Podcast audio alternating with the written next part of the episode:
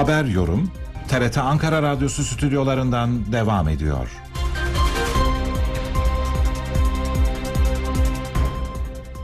Saatimiz 12.42'yi gösteriyor sevgili dinleyenler. Bu dakikalarda uzman klinik psikolog Ömer Bayar telefon attığımızda hoş geldiniz yayınımıza. Hoş buldum Özlem Hanım. E, bugünlerde sıklıkla konuştuğumuz bir dizi var gündemde. Özellikle de e, çocukların ilgisini çekiyor ve ergenlik çağını yaşayan e, gençlerin ilgisini çok çekiyor ama biz yetişkinler de e, izleyebiliyoruz bu tür yapımları. E, Squid Game isimli bir dizi. Aslında yetişkinler için hazırlanmış bir dizi ama daha çok nedense e, çocukların ve genç yaştakilerin dikkatini çekti. E, bu konuda aslında edebiyattan yola çıkarak incelemeler, değerlendirmeler yapanlar da oldu. Çünkü e, toplumsal değerleri çok etkileyen e, bir takım metinler var içinde dizinin. Simgeler var. Bunu değerlendirelim istiyoruz efendim sizinle. Aynı zamanda şiddet var. E, distopik bir dünya var. Buradan yola çıkarak neler söyleyeceksiniz? Çocuklarımızı nasıl etkiliyor? E, ergenlik çağındaki gençlerimizi nasıl etkiliyor? Evet şimdi e, tam da söylediğiniz gibi bütün dünyada çok büyük yankı uyandırdı bu yapım. Ve biz de bunlar üzerine analizler yaptık, düşündük. Kendi aramızda da bunları tartıştık. Hani e, bütün psikolojik boyutlarını da ele almaya çalıştık. Şimdi öncelikle zaten günümüz çağına baktığımız zaman en büyük özellik özellikle gençlerde ve çocuklarda her şey hazır ve çok hızlı sunuluyor ve tüketiliyor. Haliyle hızlı sonuca ulaşmak, hızlı başarı elde etmek, hızlı bir noktaya ulaşmak çok ilgi çekici. Zaten e, özellikle bu bağlamda baktığımızda bahis sitelerine dair reklamların çok fazla artması, işte influencerların çok fazla çoğalması, sosyal medya üzerinden para kazanmak. Şimdi bunların aslında hepsinin temelinde aynı şey var. Bu yapımda da, bu dizide de zaten ön planda olan şeylerden bir tanesi bu. Yani insanlara baktığımız zaman e, ömürleri boyunca işte sefalet çekmiş, borca batmış, artık çıkar yolu olmayan birçok insan orada 5 e, tane oyunla beraber bir anda hayatının tüm hayat akışını değiştirebilecek bir paraya ulaşabilecek, bir başarıya ulaşabilecek çok ciddi bir rakam. Şimdi bir kere bu cezbedici bir şey çünkü hızlı sonuca ulaşmak var. Hı hı. Ve tabii ki aslında orada çok e, bir diğer dikkat çekici şey de bunun oyunsallaştırılması. E zaten oyun çok ilgi çeken bir şey çocuklarda. Ve orada baktığımız zaman işte kostümler e, renkli, çarpıcı, göze çarpıyor. Zaten e, dizi yapımcıları da bunu söylüyor. Giyilen kıyafetler, kostümlere baktığımızda bir okul çağındaki üniformaları da andırıyor bir yanıyla. E, bu yanıyla da çok ilgi çekici tabii ki. E, oradaki oynanan oyunlar da çocuk oyunları. Haliyle oyun da ilgi çekiyor. E, tabii burada e, bizde bir diğer önemli çeken şey de rekabet. Ciddi bir rekabet var. Başarı hırsı var. Başarıya ulaşma hırsı var. Yine ilgi çeken şeylerden biri de bu. Yani birinci olmak, en iyi olmak, e, en üst puanı almak. E, bütün oyunlara baktığımızda, internette şu an oynanan oyunlara da baktığınız zaman en üst sıralarda olan oyunlar hani çevrim dışı oyunlar değil, çevrim içi oyunlar ve özellikle işte o derecelendirme, sıralama olan, puanlama olan oyunlardır. Hmm. E, bunun ilgi çeken yanında burası. Evet. Yani başarı ve rekabet odaklı bir dizi olması bu yönüyle ve hızlı sonuca ulaşması. Bireysel bir e, süreç söz konusu. Yani e, hep bir arada bir şeyi başarabilmek ve e, onu elde edip hani toplumda da yaygın hale gelmesini sağlamak gibi bir düşüncenin ötesinde e, vurgulanan hep bu zaten hani sinema eleştirmenleri de aynı şeyi vurguluyorlar. Son dönem yapıtlarda hep aynı şey gündeme geliyor. Eskiden şöyle bir düşünce vardı. E, toplumları işte daha çok refaha götürebilecek bir bilinç sergilenmeye çalışıyordu bu tür dizilerde, sinema filmlerinde. E, ona da ütopik bir dünya diyorduk. E, herkesin mutlu olduğu, herkesin eşit şartlarda yaşayabileceği. Ama şimdi böyle bir distopya e, durumu söz konusu. Bu biraz karamsarlıktan mı kaynaklanıyor? Yani yeni neslin de yaşamış olduğu e, sıkıntılı bir süreç mesela salgın hastalıklar, e, daha çok eve kapanma, az önce vurguladığım gibi daha çok bireysel aktivitenin içinde bulunma, e, sosyal medyanın bu kadar çok kullanılıyor olması, dijitalleşmenin hayatımıza giriyor olması aslında bir- birçok e, etken var değil mi? Değerlendirebileceğimiz. Dediğimiz gibi bu çok boyutlu bir süreç. Yani sadece bir açıdan bakmak bizi köreltir ama e, şimdi bir kere baktığımız zaman hayat bireyselleşiyor. Bunun en büyük sebebi de birbirimize duyduğumuz ihtiyaç azalıyor. Çünkü artık her şeye ulaşmak daha kolay. Hep kendine yeten bir sistem var. Kendi kendine başaran bir sistem var. E, yalnız başına zaman geçirmek artık çok kolay. Yani dışarı çıkıp bir yerlerde buluşup arkadaşlarınızla oyun oynamanız gerekmiyor.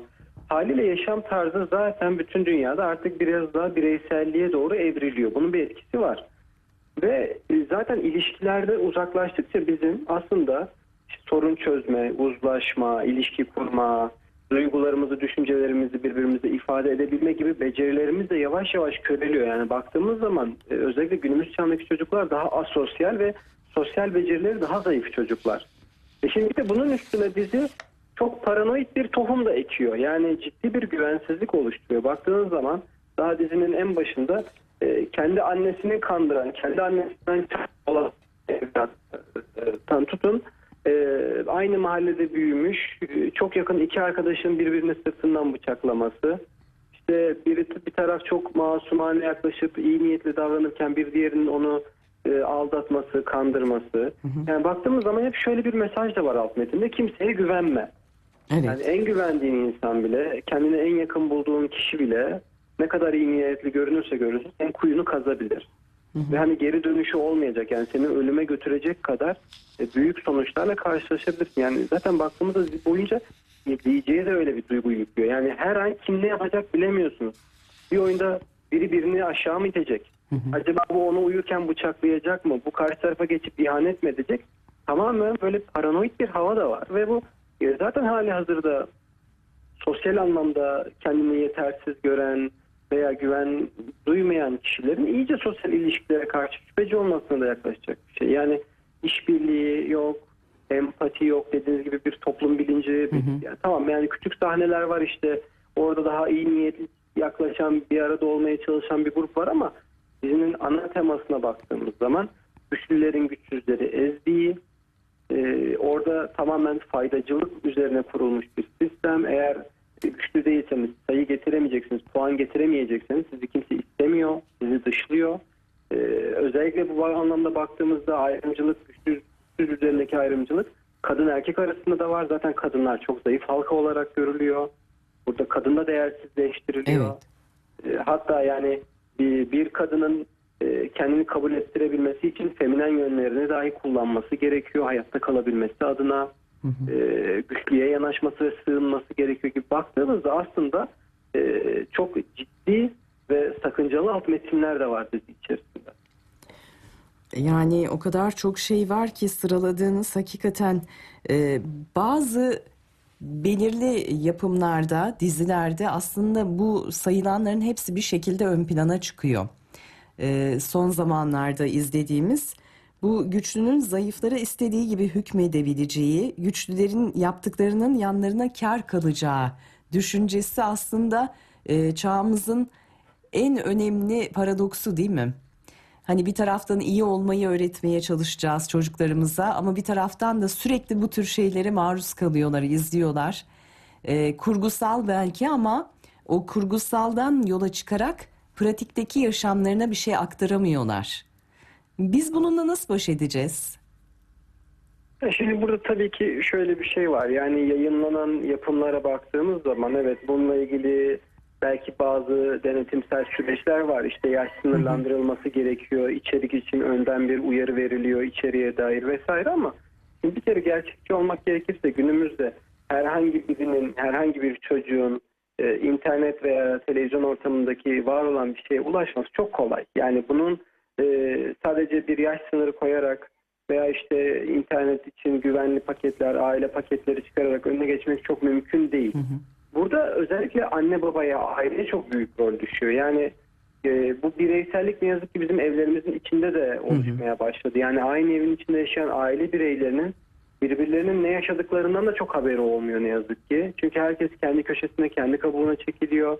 kendine bir alan oluşturmaya çalışıyor. E, baktığımız zaman işte e, anne bütün gün yorulmuş, elinde telefon bir köşede, baba bütün gün üstten gelmiş yorulmuş, elinde tablet bir köşede, bir maç izliyor, bir programını izliyor, çocuk odasında veya televizyon karşısında. Yani bir- birbirimizden haberimiz olmuyor. O yüzden burada bir kere anne babanın hakikaten özellikle bu çocuklarda, ergenlerde ne yaşıyor, ne oluyor, gündeminde ne var bunu takip etmesi gerekiyor yakından. Evet. Çünkü biz yetişkinler olarak artık hayata dair belli bak- bakış açıları oluşturmuş insanlarız ve bir filtremiz var. Yani bazı şeyleri izliyoruz ve o bizim için ekranda kalıyor. Gidip onu hayatımıza uygulamaya sokmuyoruz ama çocuklar için bu böyle değil. Yani onları ciddi anlamda filtreleri henüz yeterli olmadığı için etkiliyor. Onların içine geçiyor bu. O yüzden bir kere neyi izliyorlar? Neye ilgi duyuyorlar? O an gündemlerinde ne var? Ne üzerine sohbet ediyorlar? Mesela evdeyken hangi konuları konuşuyorlar? Ya da arkadaşlarıyla oyun oynarken e, neyi yeniden sahneliyorlar? Mesela oradaki kahramanları mı yeniden sahneliyorlar? İşte birisi oyuncu, birisi denetleyici mi oluyor? Bir kere burada bir ailenin e, takip etmesi lazım. Evet. E, takip etti ve diyelim ki aile onları endişelendirecek bir şeye şahit oldu. Baktık işte çocuk işte belli başlı oyunları, filmleri, dizileri izliyor ve onu örnek alıyor kendisine. Ondan böyle büyük bir motivasyonla, heyecanla söz ediyor.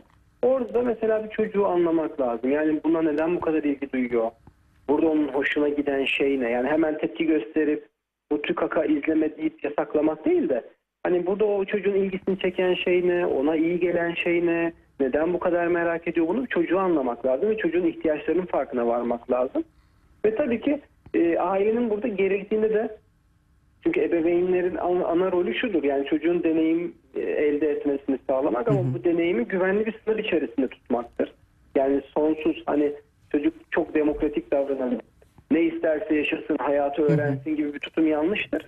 Orada Peki. e, belli kırmızı çizgiler oluşturarak hani e, ama Sezdirmeden e, sınırları koymak gerekiyor. Süremizin Evet. sonuna geldik. Uzman klinik psikolog Ömer Bayar çok teşekkür ediyoruz efendim.